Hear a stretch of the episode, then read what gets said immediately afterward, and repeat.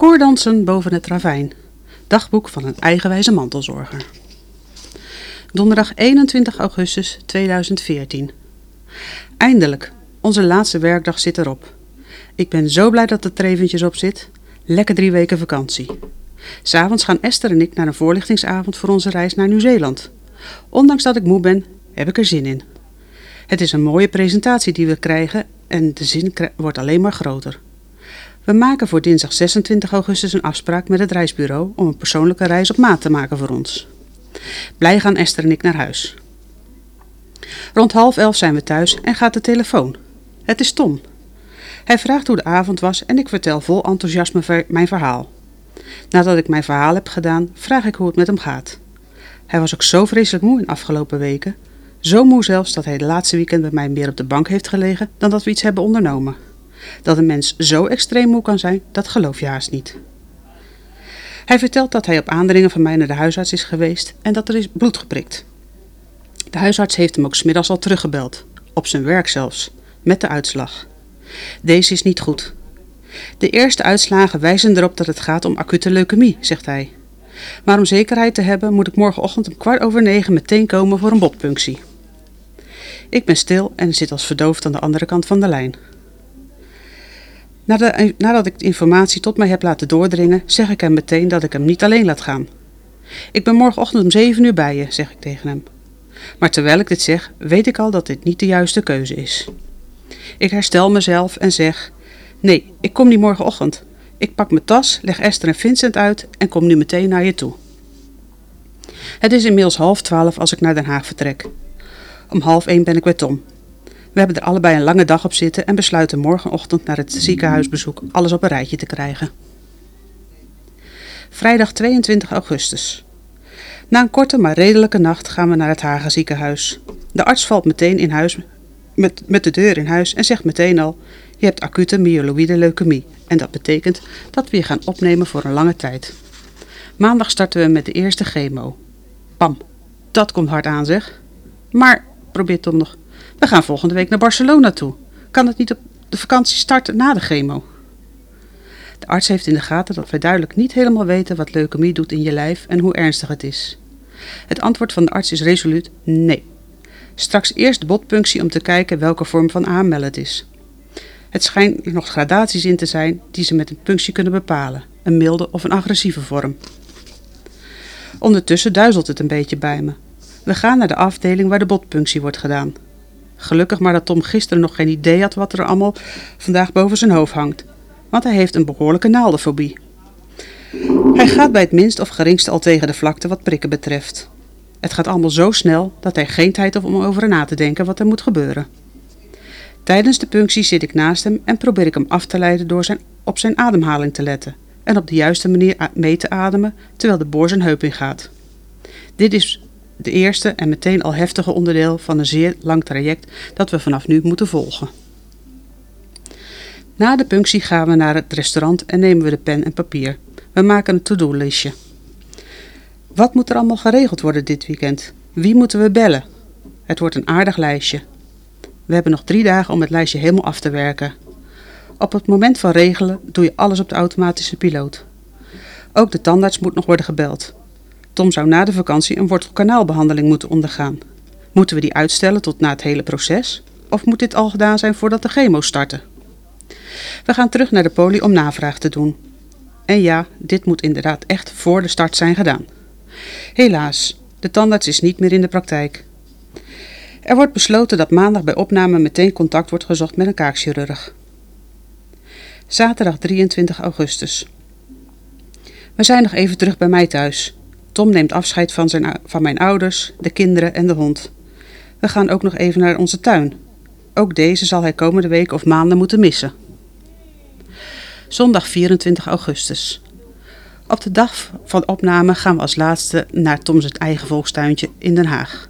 Daar rommelen we nog even en na afloop zitten we naast elkaar. Er gaan allerlei gedachten door ons heen. Hoe gaat dit proces eruit zien? Welke zware tijd moet er worden geleverd? Op dat moment komen de emoties los en huilen we samen. Zaterdag 30 augustus. S'morgens arriveer ik wat later dan normaal in het ziekenhuis. Ik loop richting Tom's kamer. Grote schrik. Er staat een bed voor de ingang en de kamer is helemaal leeg. Waar is Tom? Al snel vertelt de verpleging dat hij nu op een kamer dichter bij de ruimte van het verplegend personeel ligt. Tom blijkt vannacht flauw gevallen. Behoorlijk hard op zijn hoofd. De verpleegster was net te laat om hem op te vangen. Ze hebben vannacht met een extra actie, meteen extra actie ondernomen. Ook is er een scan gemaakt en hij was behoorlijk van de wereld, want hij weet er niets meer van. Zelfs niet zijn rit naar het toilet. En dat is misschien maar goed ook. Helaas wel weer extra ongemak erbij. Een hersenschudding. Geen zware, maar genoeg om er vet last van te hebben. Ik ben aanwezig als de zaalarts langskomt. Die vertelt dat Tom nu geluk heeft, omdat zijn bloedplaatjes nog rond de 300 zitten. Als het al rond de 10 zou zijn, was het ernstiger geweest. Tom mag even niet zelfstandig naar het toilet, alleen onder begeleiding. En anders moet hij met een fles gebruiken. Vanmorgen was de koorts iets gezakt, 39,1. Verder staat al het eten hem tegen. Zelfs het preventief ruimen gaat hem echt niet meer worden. Maar hij doet zijn best.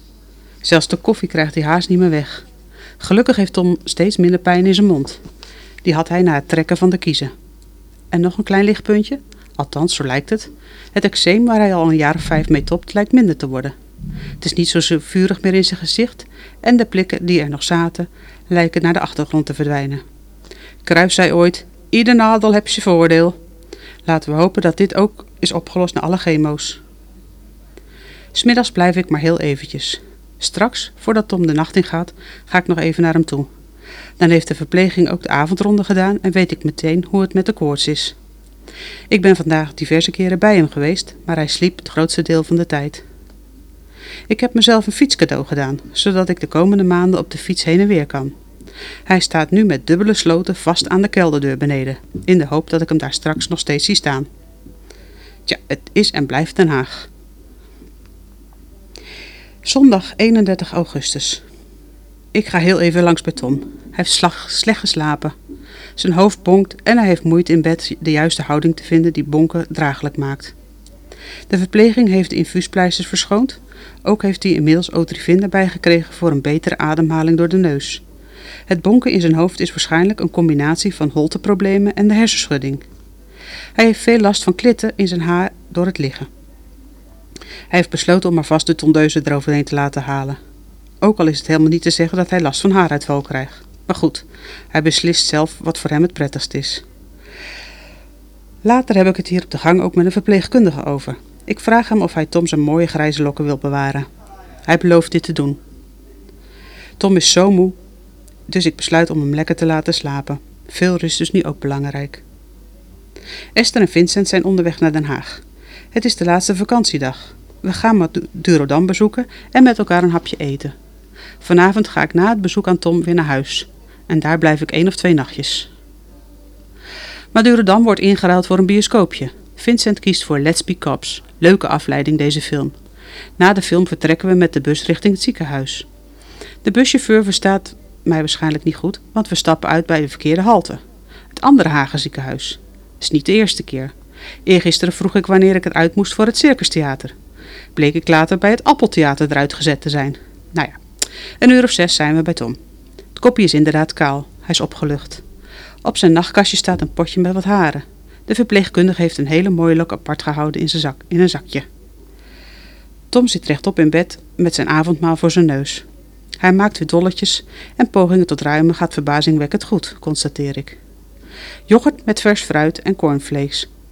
Esther en Vincent krijgen meteen een lesje geschiedenis over de Victoriaanse tijd. Dat de cornflakes uit die tijd zou stammen. Dat was het seksueel minst opwindende voedsel in die tijd, zoiets ving ik op. Hilariteit natuurlijk. Kortom, Tom zit weer aardig op zijn praatstoel. Wat mij goed, is, goed doet om te zien. Met een gerust hart vertrek ik s'avonds voor eventjes naar huis. Maandag 1 september. Dit keer heb ik slecht geslapen.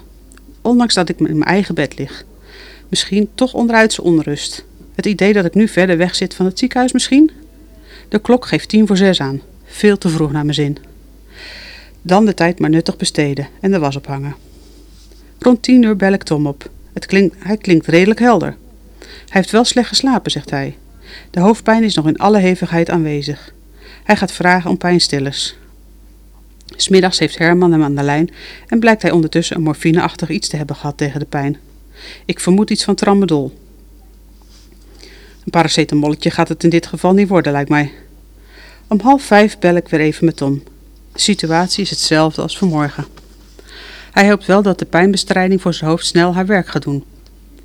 Hij geeft gelukkig ook nog steeds aan dat het telefoongesprek niet te lang moet zijn. Te vermoeiend en te pijnlijk aan zijn hoofd. Ik beloof Tom dat ik ook vanavond nog even thuis slaap en morgen rond de middag weer naar hem toe kom. Nou, vooruit dan maar, stem ik toe met tegenzin. Dinsdag 2 september. Na twee dagen thuis ben ik weer terug in het ziekenhuis. Ik vang nog net de laatste informatie van de zaalarts op.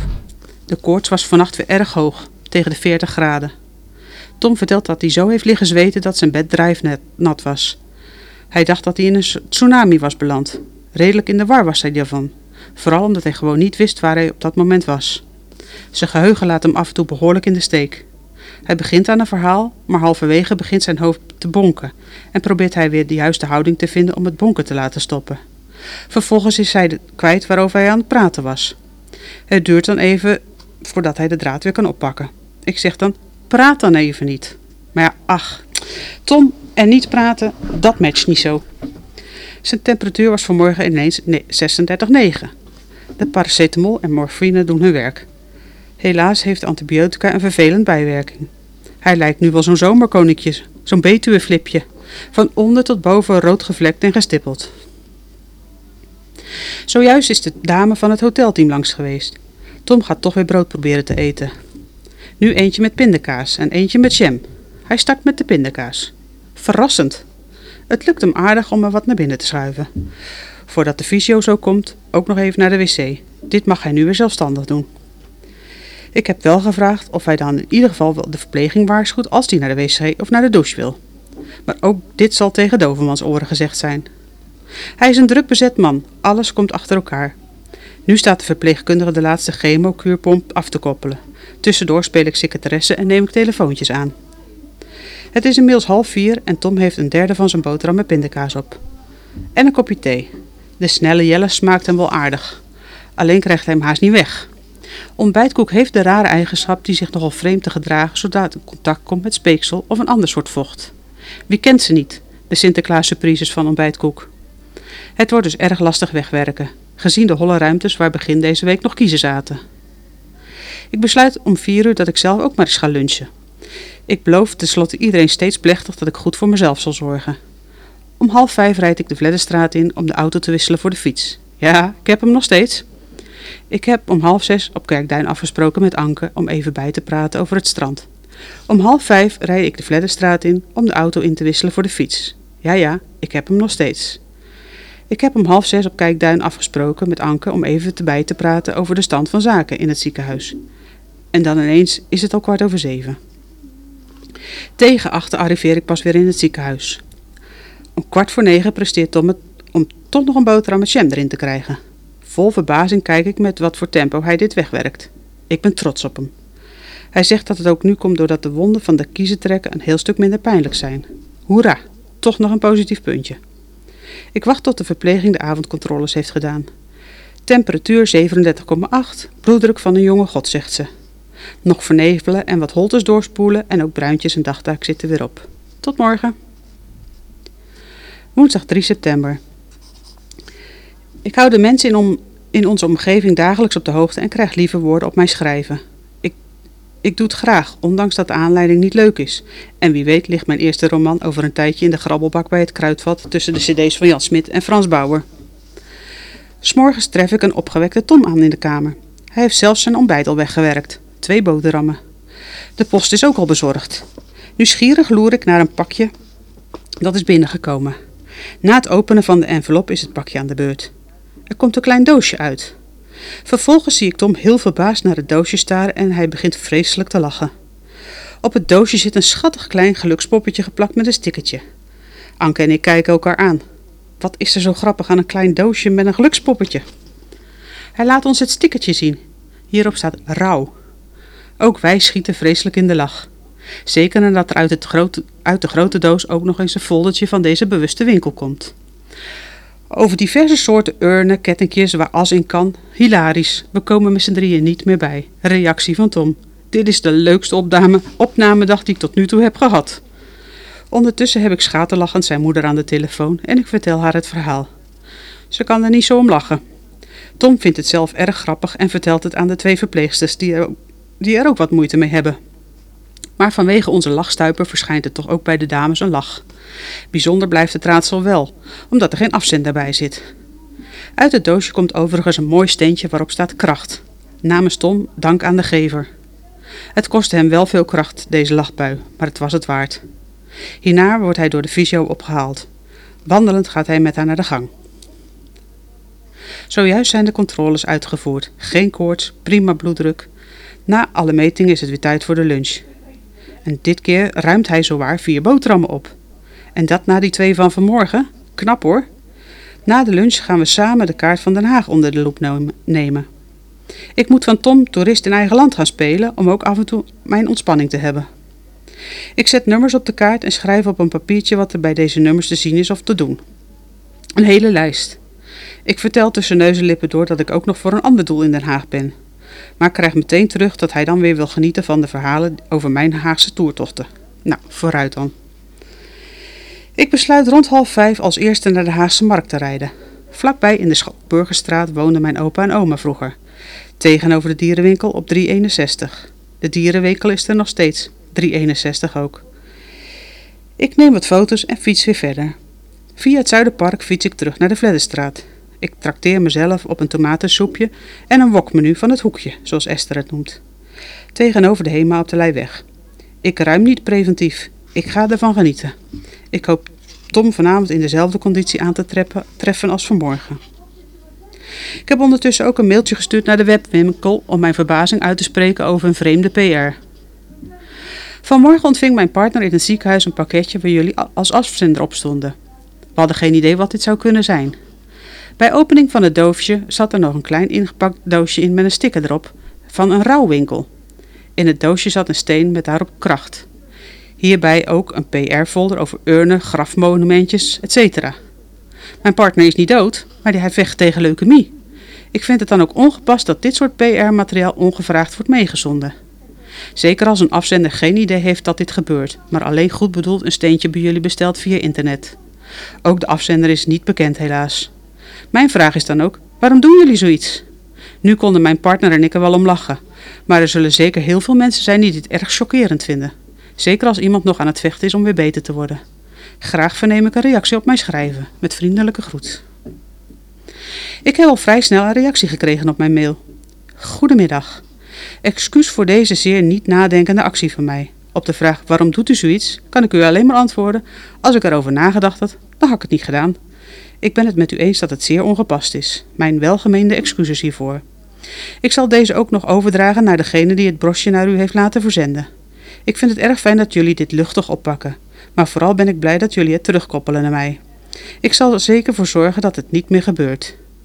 Ik ben me zeer bewust van het feit dat reclame erg gevoelig ligt. Waarschijnlijk heb ik in automatisme de folder erbij gestoken. Dit doe ik namelijk wel bij elke bestelling die rechtstreeks naar de besteller gaat. In dit geval heeft de besteller gekozen voor het doorsturen naar u. Dat had nooit mogen gebeuren. Dit zijn beide mijn webwinkels. Ik ben bezig met alle rouwproducten te scheiden. En op de andere site te plaatsen om zodoende van de andere site een zonnige winkel te maken. Ik had gehoopt dat rouwen steeds meer bij het leven zou gaan horen. Elk verlies, ook een stukje gezondheid bij een goede afloop, brengt toch een rouwproces met zich mee. Maar in de praktijk blijkt dit echter niet te werken. Vandaar de scheiding van mijn twee webwinkels. Dit alles verandert niets aan het feit dat het toevoegen van een flyer aan uw post erg ongepast en onnadenkend was. Ik wens u alle goeds en heel veel beterschap. Ik hoop dat u mijn excuses door het lezen van deze mail hebt ervaard. Ik heb het me in ieder geval erg aangetrokken en ik hoop dat me dit nooit meer overkomt. Met vriendelijke groet. Donderdag 4 september. Na een goede nacht start voor mij de dag gewoon net als thuis met huishoudelijke klusjes. Ik moet tenslotte zorgen dat ik mijn vakmeester blijf. Potten soppen, mijn lust en mijn leven. Na alle werkzaamheden fiets ik in richting Tom. Ook hij heeft een redelijke goede nacht gehad. De arts is al lang geweest. De voetafdreigende medicatie wordt nog een keer gegeven. Verder gelukkig geen bijzonderheden voor eventjes. Tom heeft het ontbijtje en de lunch weer netjes opgeruimd. Ik heb wat administratieve post voor hem meegenomen. Hij heeft nu gelukkig redelijk wat energie om een aantal dingen in orde te maken. Ik ben op pad geweest voor een eenvoudige smartphone. Het is er eentje geworden met een groot scherm, gebruiksvriendelijk, zodat het allemaal helder is. Er schijnt ook een tablet onderweg te zijn. Na afloop komt hij vast ernstig gedigitaliseerd het ziekenhuis uit. Men moet alleen niet verwachten dat hij gaat antwoorden op appjes of wat dan ook. Dit is ook een beetje te veel van het goede. Maar lezen zal hij vast en zeker. Vanaf vanavond tot zondag ben ik weer thuis. Er blijken nog wat familiedagen te zijn. Ik zal proberen er een gezellig weekend van te maken. Dat heb ik aan Tom beloofd. Vrijdag 5 september. Mijn dag start anders dan de afgelopen dagen. Ik heb met collega Sil afgesproken om weer eens te gaan zwemmen. Dat was een beetje bijeengeschoten. Om tien uur liggen we in het water. Al zwemmend vertel ik haar de laatste update van Tom. En dan realiseer ik me ineens dat wat ik allemaal vertel zich pas in een week heeft afgespeeld. Best bizar zo'n conclusie. Vooral omdat ik weet dat er nog heel veel van dit soort weken voor ons liggen. Het lijkt een beetje op het gevoel dat we vaak hebben als we op vakantie zijn. Zo vreselijk veel zien, doen en meemaken dat je het gevoel hebt dat je al heel lang op vakantie blijkt te zijn. Maar dan je realiseert dat het allemaal in een paar dagen heeft plaatsgevonden. Helaas is dit het geval verre van vakantie. Op de terugweg naar het ziekenhuis even een snelle lunch in het restaurant beneden. Ze hebben pannenkoeken. Als uitprobeersel, zegt de kok. Ik besluit er eentje te nemen en na het nuttigen ervan denk ik dat het misschien zinvol is de kok te melden dat hij het maar bij een uitprobeersel moet laten. Ik zou bijna jaloers worden op Tom's boterhammetjes. Jammer genoeg heb ik mijn schoenen hebben geen nieuwe zolen nodig, anders hadden de pannenkoek een prima bestemming gehad. De verse chudrans compenseert de boel een beetje. Na het kokkerellen thuis ga ik naar de kelder om de fiets te pakken. Het sleuteltje ligt nog boven in het sleutelkastje. Weer drie hoog omhoog. Over een half jaar heb ik een topconditie, dat wil je niet weten. Tom heeft vandaag weer een redelijke dag. De hoofdpijn verdwijnt naar de achtergrond. Hij heeft de hele dag ook zo goed als al zijn eten opgeruimd. Hij houdt alleen nog heel veel vocht vast. Hij is in één dag tijd 4 kilo zwaarder geworden. Beetje te veel van het goede. De arts besluit om nog een keer vochtafdrijvende medicatie te geven en dit werkt als een speer. Hierbij krijgt hij ook nog eens zeer elegante spierwitte steunkousen tot in de liezen. Het is een fraai gezicht. Wat mist is een paar spitsen en een tutu. Tot morgen. Zaterdag 6 september. Vandaag een rustige start thuis. Natuurlijk eerst met Tom gebeld. Had een redelijke nacht gehad. We hebben tot aan het bezoek van 11 uur vanmorgen lekker ouderwets gekletst. Een uur vol kletsen gaat hem nog niet worden. De dagen zijn nu redelijk strak geregisseerd en alles wordt volgens het geldende protocol uitgevoerd. Het wachten is nu eigenlijk op de dip, waar hij volgens zeggen in zou moeten raken. Tot nu toe voelt hij zich goed. Waar hij wel last van heeft, is een ruwe mond en schrale lippen. Ik ben blij dat ik op de momenten dat ik even thuis ben, hij zich goed voelt. Of zegt te voelen. Net als vorig weekend. Om half twaalf begint Vincent aan zijn eerste voetbalwedstrijd van het seizoen. Begint goed. Al snel staan ze 2-0 voor. Vlak voor de rust scoort de tegenstander nog een doelpunt. Helaas kunnen ze in de tweede helft de tegenstander niet meer bijbenen, waardoor de eindstand op 3-5 komt. Ondanks het verlies was het een leuk potje voetbal. Smiddag zit ik ontspannen op de verschoren dag bij nicht Sylvia. Ik zie alle nichten en neven van de tak weer eens. Veel vragen meteen hoe het met Tom is. Dat voelt goed, maar ik vind het ook erg fijn om vakantieverhalen te horen. Een superluxe barbecue staat klaar. De kleintjes kunnen lekker voetballen of zwemmen in het zwembad. Na afloop een heerlijk dessert of koffie. Tussendoor ontvang ik nog een aantal appjes van het bezoek aan Tom. Ook zij vinden dat Tom lekker op zijn praatstoel zit vandaag. Gelukkig. Zojuist de laatste was gewassen. Morgen kan alles weer schoon mee naar het ziekenhuis. Het is een latertje geworden vanavond met mijn verslag. Gezelligheid kent geen tijd. Vandaag was het echt even gezellig. Zondag 7 september. Ik ben weer eens belachelijk vroeg wakker. Half zes. Ik ben toch zo jaloers op mensen die een gat in de dag ronken. Hoe doen ze dat toch? Gaat daar een fles wijn aan vooraf? Of een ander sterk spulletje? Een lijntje of zo? Ik start de ochtend samen met Vincent met ons zondagse ontbijtje. Eitje, sapje, croissantje, bolletje. Vincent en, ik, genieten er beide van. Ik had besloten om vandaag Kul 52 ter hand te nemen. Maar als ik constateer dat deze nog in de auto ligt, besluit ik dat deze verfsessie dan maar moet worden opgeschort. Misschien vanavond dan maar. Ik heb vriendin Jet om te vragen of ze zin heeft in een rondje te wandelen. Waskie moet dan ook nog uit en verdient ook weer mijn, lange, mijn aandacht. Na de wandeling drinken we buiten koffie. Heerlijk weer nog. Ondertussen pellen we een hele berg hazelnoten die intussen aardig uit de boom aan het vallen zijn. Ik kan ze zo met de cacaobonen van Tom bij de Nutella-fabriek afleveren. Als er liefhebbers voor zijn, mogen ze ze hebben. Alleen krijg ik dit niet weggewerkt. Voor opruimdienst Bruintje is het nu verboden om ze te eten. Ik heb vanmorgen weer even met hem aan de telefoon gezeten en hij klonk opgewekt. Hij gaf aan dat hij wel wat vermoeider is nu, maar verder heeft hij gelukkig weinig klachten. Het vocht is, wat zijn gewicht betreft, weer redelijk stabiel. De 4 kilo die jij een anderhalve dag erbij had, is er weer af.